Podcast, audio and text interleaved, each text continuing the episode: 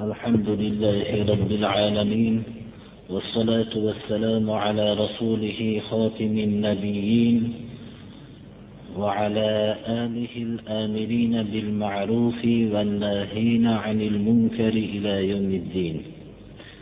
أما بعد السلام عليكم ورحمة الله.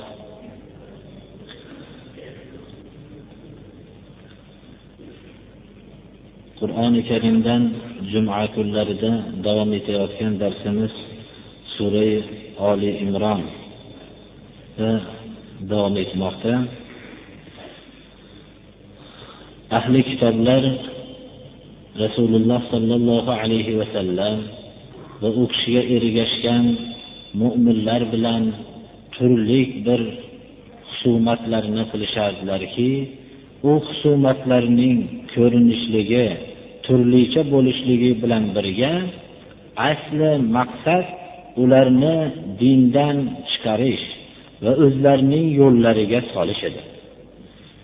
Bu haq ahli bilan botil ahlining o'rtasidagi qiyomatgacha bo'lgan husumat ham aslida shu narsani o'z ichiga oladi. Chunki botil ahllari husumatlarni ba'zi narsalarga cheklashadida agar shu bir ikki masalada kelishib olsak o'rtada ixtilof yo'q degan narsani ko'rsatishadilaru. Lekin aslida haq yo'lda ketayotgan kishilarni o'zlarining yo'liga solishlikdan boshqa bo'lmaydi. Bu har bir kishining o'zini qisqa hayotida ham tajribadan o'tgan. Shu kelishiladigan masalalarning ba'zisi bilan kelishgandan keyin ham husumat kuchayib borganligini guvohi bo'lgan har bir kishi. Ahli kitoblar ham rasululloh sollallohu alayhi vasallam va bu kishiga ergashgan mo'minlar bilan doim husumat qilishardi. Husumatlar ba'zilari tarixga taalluqli masalalar bo'lardi. ba'zisi bo'lsa shu hayotda sodir bo'layotgan voqealar bo'lardi mana bu bugungi o'rganadigan darsimizda ham ahli kitoblarning butun rasululloh sollallohu alayhi vasallam va mo'min kishilarga qilgan husumatlarini alloh subhanahu va taolo bayon qilganligini o'rganamiz أعوذ بالله من الشيطان الرجيم يا أهل الكتاب لم تحاجون في إبراهيم وما أنزلت التوراة والإنجيل إلا من بعده أفلا تعقلون؟ ها أنتم هؤلاء حاججتم فيما لكم به علم فلم تحاجون فيما ليس لكم به علم؟ والله يعلم وأنتم لا تعلمون.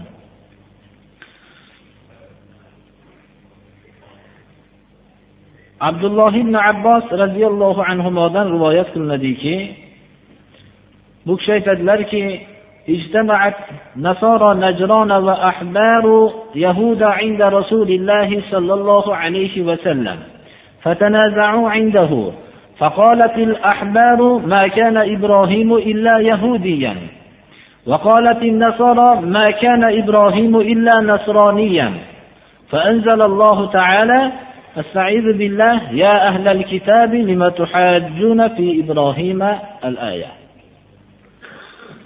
najron nasorolari bilan yahud olimlari rasululloh sollallohu alayhi vasallamning oldida to'planishib yahudiylarning olimlari aytishdiki kelishmovchilik natijasida ibrohim yahudiy bo'lgan deyishdi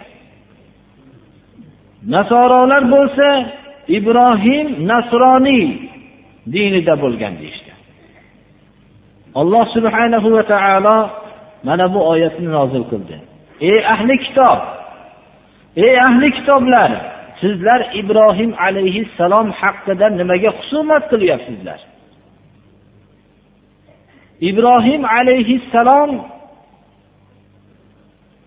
ibrohim alayhissalomdan keyin tavrot bilan injil nozil bo'lgan. Ibrohim alayhissalomning payg'ambar bo'lgan davri tavrot injil nozil bo'lishligidan ilgari bo'lgan. Yahudlar yahudiya dinini tavrotni buzishgandan keyin paydo qilishdi. Nasroniylar nasoro dinini injilni buzgandan keyin paydo qilishdi. Bu sizlar o'zinglar paydo qilgan yahudiya dini nasroniya dini ibrohim alayhissalomdan keyin paydo bo'luvdiyu. Tavrotu injil keyin nozil bo'lganida nima uchun sizlar ibrohim alayhissalomni yo ey yahudiylar yahudiy bo'lgan deysizlar va ey nasroniylar ibrohim alayhissalomni nasroniy bo'lgan deysizlar? Bu butun aqlga zid bo'lgan da'voki da'voyu bu buni aqliylarni ishlatmaysizlarmi aql mantiqiga keyin chiqqan yo'lni o'tib ketgan odamni shu shunga mansub qilishlik bu aqlga aql mantiqiga zid bo'lgan narsa har vaqtda ham keyingi vaqtlarda islom tasavvuri xalqlar o'rtasidan yo'qolgandan keyin islom aqidasining o'rniga odamlarga millatchilik ruhi paydo bo'ldi vataniya ruhi paydo bo'ldi va odamlar o'zlarining o'zbek tojik qirg'iz millatchiligini hammasi dindan oldiga qo'yishib oldilar. Va shu bilan birga vataniya o'zlarining yashab turgan o'rnini aqidadan afzal ko'rishib islom tasavvuriga zid bo'lgan fikrlar paydo bo'ldi. Mana bu fikrlar natijasida ham kishilar agar o'z hollarida qolishsalar shuning uchun tarixda o'tgan ba'zi peshvolarning bizni millatdan chiqqan deb o'zbekdan chiqqan yoinki tojiklar tojikdan chiqqan yo qirg'izlar bizdan chiqqan degan narsani solashishlik ham asli islomiy tasavvurga zid bo'lgan narsadir. Islomiy tasavvur bitta narsani biladi. Islomiy tasavvur millatchilikni tanimaydi. Islomiy tasavvur aqidani biladi. Aqida bilan odamlar birlashadi. Shuning uchun qaysi bir millatdan islom aqidasini qabul qilgan bo'lsa musulmonlar o'rtasida yotinqiramasdan yashashgan avvalgi musulmonlar.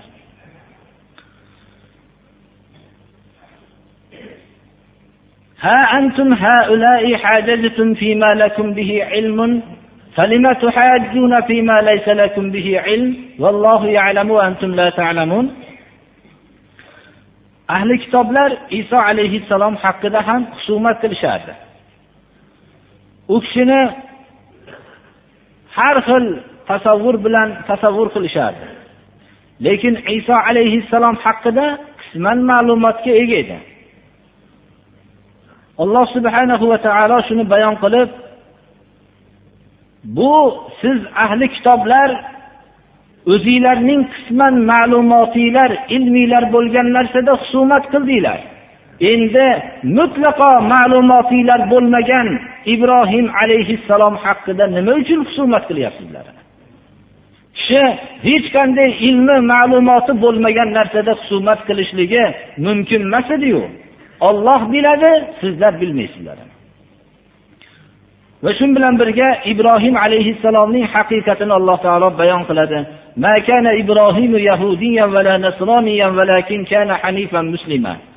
Ibrohim alayhissalom yahudiy emas edi. Ibrohim alayhissalom nasroniy emas edi. Lekin u kishi haqqa burilgan kishi edi. Haq yo'ldagi kishi edi. Va ollohning hukmiga bo'ysunuvchi taslim bo'luvchi kishi edi. Ibrohim alayhissalomni quraysh xalqi ham yahudiylar ham nasroniylar ham biz ibrohim alayhissalomning millati dinidamiz deyishardi. Bu davoni alloh subhanahu va taolo bekor qilib ibrohim alayhissalom mushrik emas edi sizlarga o'xshagan. Sizlar yahudiyalar ibrohim alayhissalomning dinidamiz deb mushrik holatda yashasizlar. Nasroniylar mushrik holatda yashayapsizlar ibrohim alayhissalom mushrik emas edi. Ey quraysh sizlar ham rasululloh sollallohu alayhi vasallamga ergashmasdan biz millati ibrohimdamiz deyapsizlar. Ibrohim alayhissalom sizlarga o'xshagan mushrik emas edi deyapti alloh taolo. Bu oyati.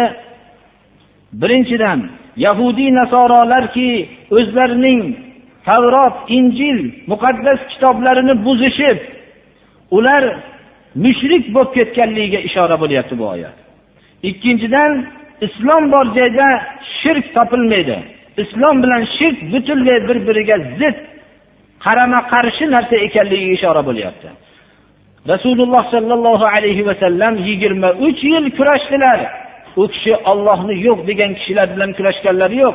Ollohni yo'q deydigan kofir yaqindan chiqdi birodarlar. Ollohni yo'q deydigan kofir tarixda juda kam bo'lgan. Rasululloh sollallohu alayhi vasallam kurashgan yigirma uch yil shirk amali bilan kurashdilar. Qur'oni karimda billah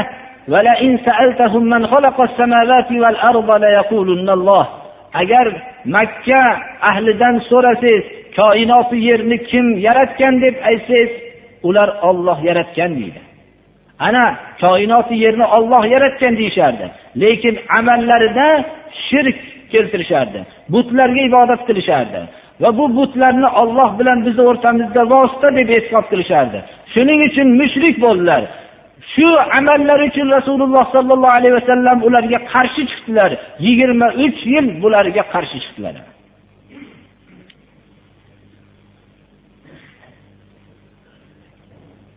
إن أولى الناس بإبراهيم للذين اتبعوه وهذا النبي والذين آمنوا والله ولي المؤمنين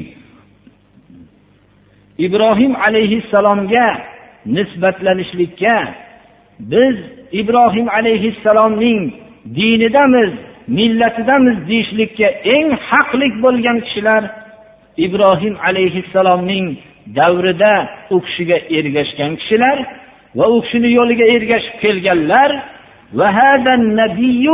Va bu payg'ambar muhammad alayhissalom alloh subhanahu va taoloning shahodati bilan muhammad alayhissalom ibrohim alayhissalomning millati dinida ekanligini olloh o'zi shahodat guvohlik beryapti iymon keltirgan kishilar muhammad alayhissalomga ergashib bu kishiga iymon keltirgan kishilar ibrohim alayhissalomning diniga nisbatlanishlikka eng haqlik bo'lgan kishilardir. Olloh shu mo'minlarning yordamchisidir alloh subhanahu va taolo mana bu muhammad alayhissalomga va u kishiga ergashgan mo'minlarga yordamchi ekanligini amalda ko'rindiki yigirma uch yil butun rasululloh sollallohu alayhi vasallamga va u kishiga qarshi bo'lgan kishilarga mushriklar tamomiy hiyla bilan qarshi bo'lishdilar. Olloh ularga yordam berdi. U mushriklar nom nishonsiz bo'lib ketdi. Nom nishoni qolganlari ham qiyomatgacha kishilar tarafidan la'nat bilan eslanadigan bo'ldi. Muhammad alayhissalom va u kishiga ergashgan kishilar butun g'alaba qildi va ularning butun qiyomatgacha bo'lgan kishilar butun olloh rozi bo'lsin deb duolar bilan eslaydigan bo'lib qoldilar. Olloh doim mo'minlarning yordamchisidir. Lekin inson haqiqiy mo'min bo'la olmaydida olloh tarafidan bo'lgan yordamga sazovor bo'lmasdan bu yordamni ko'rmasdan yashaydi. Agar haqiqiy mo'min bo'lsa ollohni so'zi haq olloh mo'minlarning yordamchisidir mana.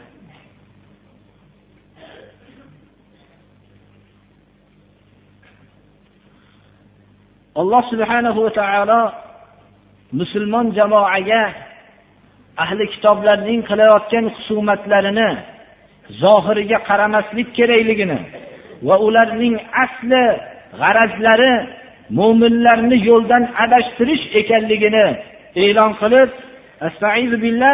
ودت طائفة منهم من أهل الكتاب لو يضلونكم وما يضلون إلا أنفسهم وما يشعرون ahli kitoblarning bir toifasi sizlarni adashtirishlikni orzu qilishadi.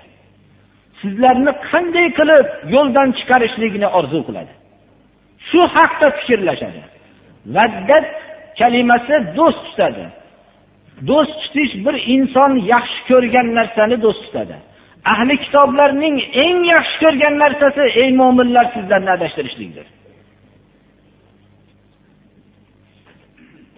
Alloh subhanahu va taolo haqiqiy islomni ushlagan kishiga kafolat beryaptiki ularni hech qanday adashtiradigan kishilar adashtira olmasligini hasr kalimasi bilan bildiryapti.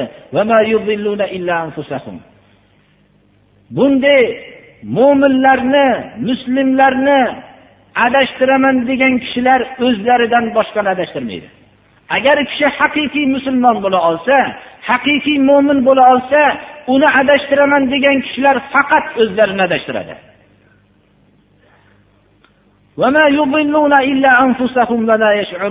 O'zlaridan boshqani adashtirishmaydi lekin o'zlarini adashtirayotganliklarini sezishmaydi ular ular yaqin kunda qiyomatga borishib qolganlarida o'zlaridan boshqani adashtirmaganligini sezishib ham qoladi. يا أهل الكتاب لم تكفرون بآيات الله وأنتم تشهدون alloh subhanahu va taolo bu yerdagi yahudiy nasroniylarning hammasini rasululloh sollallohu alayhi vasallamni va u kishi olib kelgan haq islom yo'lining haq ekanligini bilganligini xabarini beryapti ey ahli kitoblar ollohni oyatlariga nima uchun kofir bo'lyapsizlar? Ollohni oyatlarini nima uchun inkor qilyapsizlar? O'zinglar haq ekanligini bilib turgan holatinglarda. Kishi haqqa unamagan vaqtda haqni bilmaganligidan qarshi chiqmaydi aksar vaqtda balki haqni bilganligidan bu haq agar g'alaba qilsa bo'layotgan dunyoviy manfaatlar va soxta obro'larga putur yetishligini bilib turib shu haqqa qarshi bo'ladi. Ana ahli kitoblar uzoq vaqtdan beri butun sodda xalqlarning ustida hukmron bo'lib kelishardi. Bular agar la ilaha illalloh muhammadu rasululloh kalimasining g'alaba qilishligi muqarrar bo'ladigan bo'lsa bizlarning obro'larimiz hammasi ketadi deb bilishardi. Ana shuning uchun ular rasululloh sollallohu alayhi vasallam olib kelgan yo'lning haq ekanligini bilishardi. Bilib turib ollohning oyatlariga kofir bo'lib inkor qilishardi. Har davrda ham haqqa qarshi bo'lgan kishilar ichlarida haq egasi kim ekanligini yaxshi bilishadi. Lekin dunyoviy manfaatlarga putur yetib qolishligini bilib har xil aralashtirib nohaq kalimalar bilan bo'xtonlar bilan o'zini ishini yurgizishlikka va haq egalarini yo'lini to'sishlikka harakat qilishadilar. Bu qadimdan bo'layotgan botil egalarining yo'li. Qiyomatgacha botil egalarining yo'li o'zgarmaydi bundan boshqa bo'lmaydi.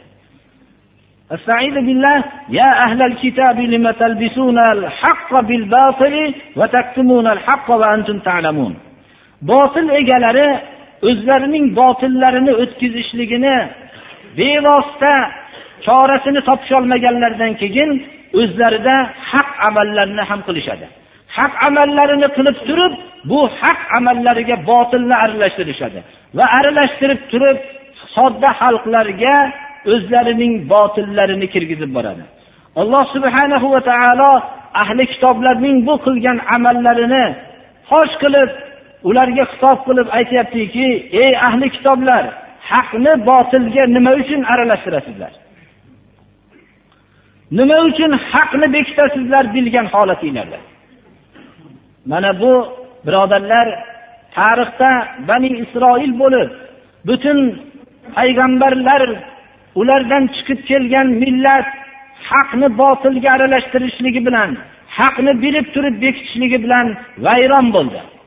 Bu millat butun xalqni ustida hukmron bo'lib kelgan millat butun xorlik ularga kitobat qilindi.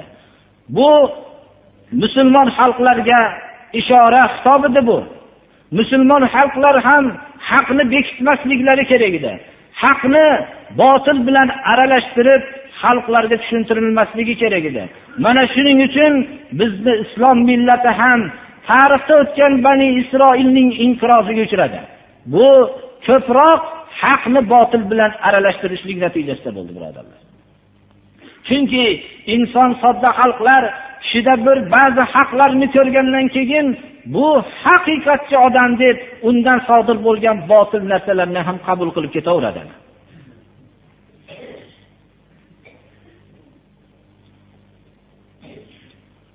Hatto ahli kitoblar nihoyatda o'zlarining botil narsalarini o'tkazishlik uchun musulmonlarni haq yo'ldan qaytarishlik uchun hamma choralarni ko'rishardi. Mana bu oyat ham ularning eng kuchli makrlarini qanday ekanligini ochib beradi. وقالت طائفة من أهل الكتاب آمنوا بالذي أنزل على الذين آمنوا وجه النهار واكفروا آخره لعلهم يرجعون ahli kitoblarning bir toifasi shunday makrlarni qilardiki bir birlariga o'zaro maslahat berishardiki avval islomdagi haqlarni tan olib iymon keltiringlar. Iymon keltirganinglardan keyin sizlarning boshqa yo'ldan islomga o'tganliginglarni ko'rib xalqlar bular insofli kishilar bo'lmasa islomni qabul qilishmas edi shunchalik o'zlari boshqa yo'lda bo'lib turib degan fikr paydo bo'ladi. Fikr paydo bo'lib o'zinglarni insofli ekanliginglarni xalqlarga bildirganinglardan keyin endi oxiri borib kofir bo'linglar bu yo'lga. Kofir bo'linglarda shunda odamlar bilsinki bular dinda kamchilikni ko'rganligi uchun dindan chiqishdi. Agar dinda kamchilik bo'lmasa bular insofli odam edi degan fikr bilan boshqalar ham dindan qaytadi deyishardi. Ana bu makrga umumiy xalq bu makrni seza olmasdi. Alloh subhanahu va taolo bu makrdan ogohlantirib ularning bu maxfiy makrlarini ochib qiyomatgacha bo'lgan musulmonlarga e'lon qilyapti. Ahli kitoblarning bir toifasi aytishadiki iymon keltirilgan kishilarga iymon keltirgan kishilarga tushirilingan yo'lga qur'onga kunning avvalida iymon keltiringlar. Ya'ni kunning avvalgi yarim qismida iymon keltiringlar. Kunning ikkinchi yarmida kofir bo'linglarki sizlarni avvalgi iymoninglar insofli kishi qilib ko'rsatadida keyingi kofir bo'lishliginglar dindan nuqsonni topganliginglarni belgisi bo'lib boshqalar ham dindan chiqadi deyishardi. Shoyat u musulmonlar ham ba'zilari dindan chiqishsa derdi. Shu darajada makkor dushmanni ro'barusida turganligini musulmonlar esdan chiqarmasligi kerak bu dushmanlar yaqin tarixda ham ko'p bo'ldi. Kitoblar shunday din bilan kurashgan targ'ibot vositalari eng makkor ustalari avval islomni maqtashdan boshlashadilar. Islomni payg'ambari muhammad alayhissalomning ulug' zot bo'lganligini maqtashdan boshlashadilar. Islomning ba'zi hukmlarini yaxshi ekanligini e'lon qilishadilar. Inson kitobning yozuvchi yo shu targ'ibot qilayotgan muallifni o'qigan dindan tashqari kishi ekanligini bilgandan keyin u insoflik bo'lmasa o'zining qarshisidagi bo'lgan yo'lni haq deb buni to'g'riligini isbotlamagan bo'lardi deydida keyin o'zining asl otmoqchi bo'lgan zaharlik o'qini ham qabul qilib qo'yganligini bilmay qoladi. Ana bu butun tarixdagi din bilan islom bilan kurashayotgan kishilarning eng makkor ustalarining yo'li bu. Mana bu narsadan ogoh bo'lishlik kerakki inson umumiy odamlar bunga aldanib qoladi. Ammo qur'oni hadisdan mohir bilgan kishilargina buni sezib qolishligi mumkin. Shuning uchun siz buni avval dushmanning gapi deb o'qiyotgan vaqtingizda siz insofli so'zlarni eshitganingizdan keyin unga bo'lgan dushmanligingiz yo'qoladida keyin o'zining asl maqsad bo'lgan zaharlik o'qini sezmay qolasiz hatto dinni islomni dushmanlari islomni yo'qotishlik uchun islomni qabul qilishlikdan ham bosh tortmaydi. Ular islomni vaqtincha qabul qilib turib ham islomga qarshi so'zlarni aytishlikdan bosh tortmaydi. Ahli kitoblarning bu makkor ishlari edi va shu bilan birga o'zlariga faqat o'zinglarni yo'linglarga ergashgan odamgagina ishoninglar. Musulmonlarga ishonmanglar deb o'rgatishardi alloh subhanahu va taolo ahli kitoblarning bu fe'llarini bayonini hali bayon qilib bo'lmasdan haqiqiy hidoyat nima ekanligini ya'ni shunday islomni to'g'riligini ham aytadigan islomga ham vaqtincha qabul qilib turib keyin islomga qarshi bo'ladigan kishilarni yo'llarini qabul qilmaslikka ishora qilib ayting ey muhammad alayhissalom haqiqiy hidoyat ollohni ko'rsatgan hidoyat yo'li deng. Ahli kitoblarning so'zi hali oxiriga yetmasdan haqiqiy hidoyat ollohni hidoyati ekanligini alloh subhanahu va taolo bayon qilib qo'yyapti. أن يؤتى أحد مثل ما أوتيتم أو يحاجوكم عند ربكم. Sizlar muhammad alayhissalomning yo'liga iqror bo'lmanglar deyishardi ahli kitoblar islomni yo'lini qabul qilmanglar. Nubuvvatga risolatga rasululloh sollallohu alayhi vasallam uchun tan olmanglar deyishardi. Chunki agar tan olsanglar sizlarga berilingan nubuvvatga o'xshagan ne'matni boshqalarga ham berilinganligiga tan olish bo'lib qoladi. Muhammad alayhissalomni barhaq payg'ambarligiga tan olish bo'lib qoladi deyishib bir birlariga vasiyat qilishardi. Yoyinki sizlarni rabbiylarni huzurida agar tan olsanglar payg'ambarni barhaq ekanligiga va yo'liga kirmasanglar rabbiylarni oldida sizlarga hujjat qilishadi musulmonlar deyishadi go'yoki alloh subhanahu va taolo eshitilingan so'z hujjatidan boshqa hujjat bilan azob bermaydi deb o'ylashardi. Go'yoki bir narsani inson tan olib qo'ygandan keyin u yo'lni qabul qilmasa o'zini zarariga hujjat barpo bo'lib qolardi. Shunday lafz bilan tan olmanglar ichinglarda haqligini bilsanglar ham deb bir birlariga vasiyat qilishardi. Ular nubuvvat risolat bu faqat bani isroilga cheklangan deyishardi. Alloh subhanahu va taolo ayting ey muhammad alayhissalom ollohning fazli ollohni qudrat qo'lida buni xohlaganga beradi. Ollohni rahmati keng. Kimga o'zining rahmatini berishlikni fazilatini berishligini o'zi yaxshi biladi. O'zini rahmatini xohlagan odamga xoslaydi. Olloh buyuk fazl egasidir. Birovga bergan rahmat fazilatga hasad qilmang. Olloh ulug' fazl egasi ollohdan siz ham so'rang u fazlni sizga ham beradi. Birovga bergan fazliga hasad qilmang siz. Rasululloh sollallohu alayhi vasallamga nubuvatni bergan zot nihoyatda o'rniga bergan edi. Ahli kitoblardan ahdlarni buzgandan keyin nubuvvat ne'mati bularning sulolalaridan olib qo'yilgan edi. Ollohni fazli ollohni qudrat qo'lida xohlaganga beradi. Ollohni mulki keng olloh kimga fazlini berishligini biladi. Olloh o'zini rahmatiga xohlagan odamni xoslaydi.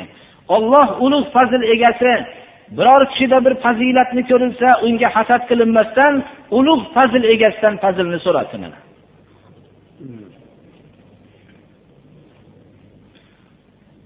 qur'oni karim ahli kitoblarning ularning makr hiylalarini bayon qilishlik bilan birga butun hayotlarining har bir daqiqasida islom bilan kurashayotgan kishilarning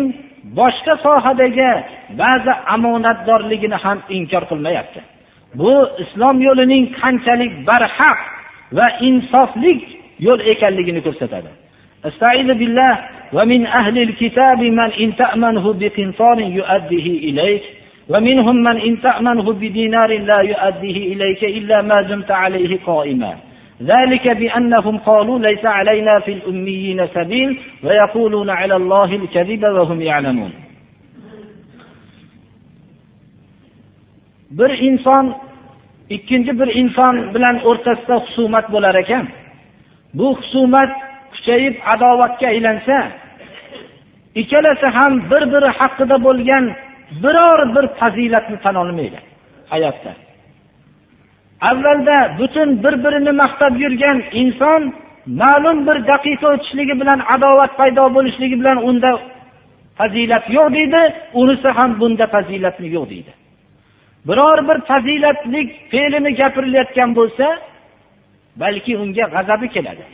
Qur'oni karimda mana bu oyat butun ahli kitob rasululloh sollallohu alayhi vasallam bilan husumat qilardi. U kishini yo'qotishlikka doim harakat qilardi. Mo'minlarga hasad qilardi qur'oni karim ularda shunchalik islomga qarshi bo'lishsalar ham ba'zi fe'llarini omonatdorlik fe'lini tan olinyapti ba'zi kishilarda borligini. Alloh subhanahu va taolo xabar berib ahli kitoblar ichida shunday kishilar borki agar siz unga qintorni omonat qo'ysangiz qintor bir echki terisi to'ldirib bo'lgan tilloni aytadi. Nihoyatda ko'p miqdordagi qiymatbaho narsalarni unga omonatga qo'ysangiz sizga omonatni o'taydi. Omonatga xiyonat qilmaydi. Ahli kitoblarni ichida yana ba'zilari borki ularga bir dinorni omonat qo'ysangiz shu bir dinorni ham sizga o'tamaydi. Magar mahkam turib talab qilib kuch bilan talab qilganingizdan keyingina beradi. Sabab ular omonatni o'tamayotgan yahudlar bular o'zlaro yahudiy yahudiyga omonat qilishligi mumkin emas xiyonat qilishligi mumkin emas deb tushuntirishadi. Ammo yahudiy boshqa millatga xiyonat qilsa savob bo'ladi deb o'rgatishadi.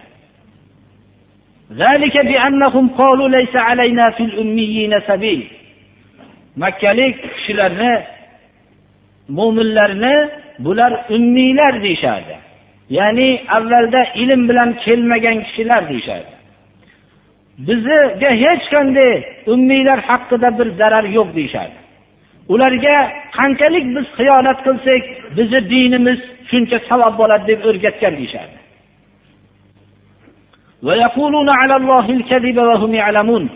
Bizni olloh yahudiylardan boshqaga xiyonat qilib ularni moli mulkini tortib olishlikka buyurgan deb aytishadi. Ollohga yolg'onni gapirishadi bilishib turib. Alloh subhanahu va taolo bunday fahsh ishlarga buyurmaydi. Mana bu narsa ham o'zaro bir anglab olishimiz kerakki bir kishi bilan ikkinchi bir kishi o'rtasida adovat paydo bo'lib qolsa dunyoviy muomala oldi sotdi qilayotgan bo'lsa unga zarar keltirsa bo'laveradi deb fikr o'zi paydo qilmasligimiz kerak. Biz oldi sotdi dunyoviy muomalalarda mo'min kishiga ham omonat qilishlikka ma'murmiz kofir bilan ham oldi sotdi qilayotganimizda ham muomalada biz omonatdor bo'lishlikka ma'murmiz shaxsiy muomalalarda biz bunga muomala qilmasak bo'laveradi xiyonat qilsak savob bo'ladi deb o'zimizcha topib olishligimizga mumkin emas birodarlar. Bu bilan o'zimizni aldab qo'yamiz o'zimizni xiyonat amallariga o'rgatib qo'yamiz shu bilan. Mana yahudiylar musulmonlarga zarar yetkazsang bo'laveradi deb o'rgatardi. Balki savob bo'ladi deyishardi. Ollohga yolg'onni to'ngashardi bilishib turib.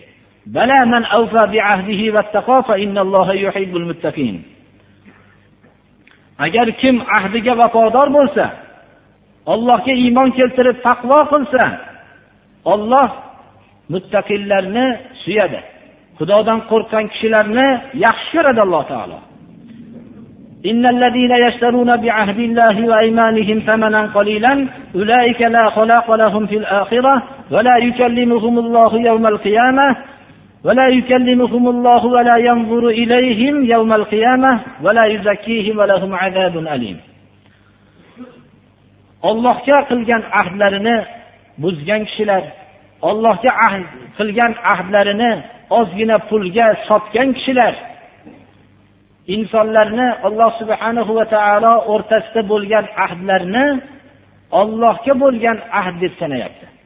Kishi bir kishiga ahd bergan bo'lsa, bir kishi ikkinchi bir kishiga omonat bergan bo'lsa, bu omonatdagi ahdni rioya qilishlik Allohga bergan ahdni rioya qilishlik deb sanayapti.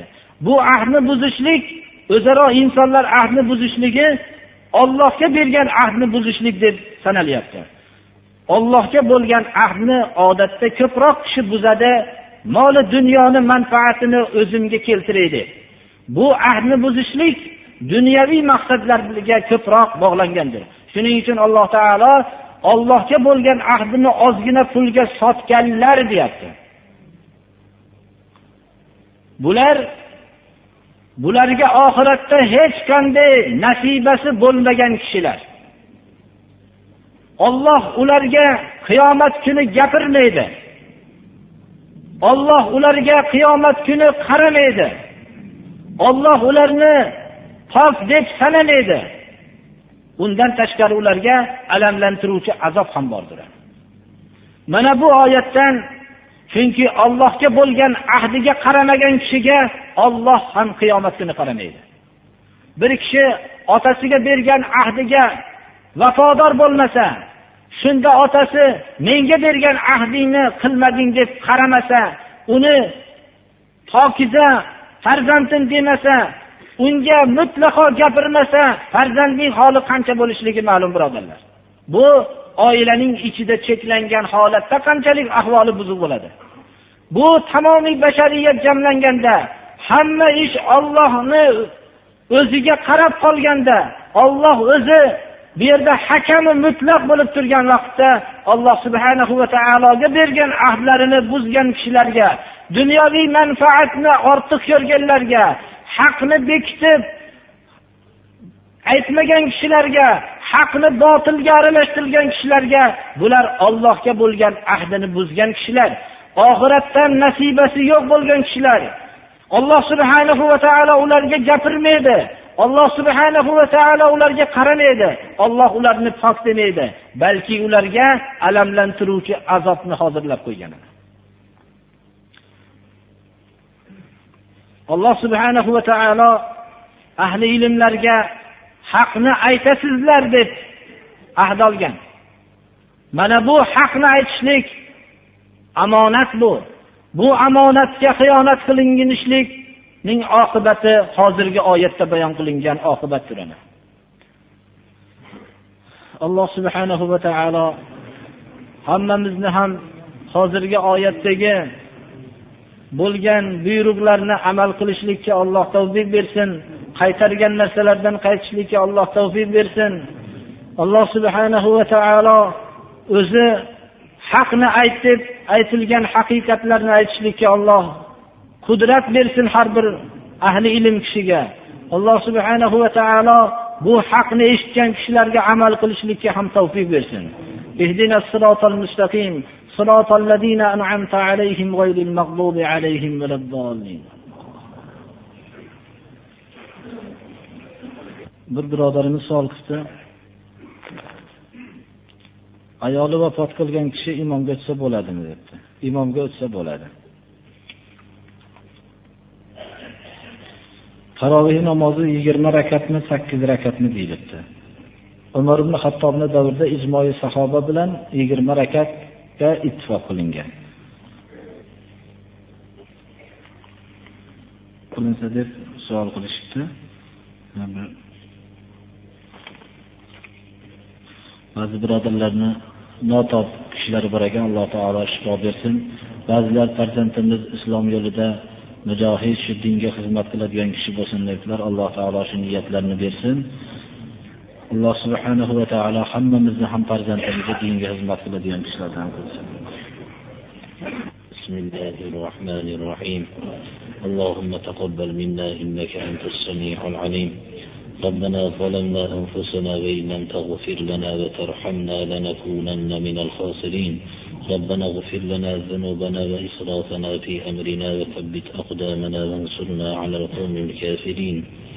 اللهم ألف بين قلوبنا وأصلح ذات بيننا واهدنا سبل السلام ونجنا من الظلمات إلى النور وجنبنا الفواحش ما ظهر منها وما بطن وبارك لنا في أسماعنا وأبصارنا وقلوبنا وأزواجنا وذرياتنا وتب علينا إنك أنت التواب الرحيم اللهم اقسم لنا من خشيتك ما تحول بيننا وبين معاصيك ومن طاعتك ما تبلغنا به جنتك ومن اليقين ما تهون به مصائب الدنيا فمتعنا بأسماعنا وأبصارنا وقوتنا ما أحييتنا واجعله الوارث منا واجعل ثأرنا على من ظلمنا وانصرنا على من عادانا.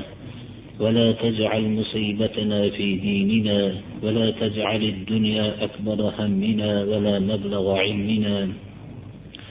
اللهم زدنا ولا تنقصنا وأكرمنا ولا تهنا وأعطنا ولا تحرمنا وآثرنا ولا تؤثر علينا وأرضنا عنك وارض عنا. اللهم حبب إلينا الإيمان وزينه في قلوبنا وكره إلينا الكفر والفسوق والعصيان واجعلنا من الراشدين وتوفنا مسلمين وألحقنا بالصالحين غير خزايا ولا مفتونين. اللهم إنا نسألك فعل الخيرات وترك المنكرات وحب المساكين وأن تغفر لنا وترحمنا. وإذا أردت بقوم فتنة فتوفنا غير مفتونين. وصلى الله تعالى على خير خلقه محمد وآله وأصحابه أجمعين. والطاهرين الطيبين وارحمنا واحشرنا معهم برحمتك يا أرحم الراحمين. اللهم تقبل منا إنك أنت السميع العليم. اللهم ارحمنا بالقرآن العظيم واجعله لنا حجة يا رب العالمين. الله أكبر. صلاة جنازة. bu marhuma ayamiz mana shu jomida jomiy xizmatlari bilan juda mashg'ul bo'lgan ikkita birodarimizni volidalari duo qilaylik. Alloh subhanahu va taolo safarini bexatar qilsin savol javoblarini oson qilsin qabrlarini jannat bog'chalaridan qilsin. Qiyomat kunida ham alloh subhanahu va taolo o'zi yaxshi ayollarni safidan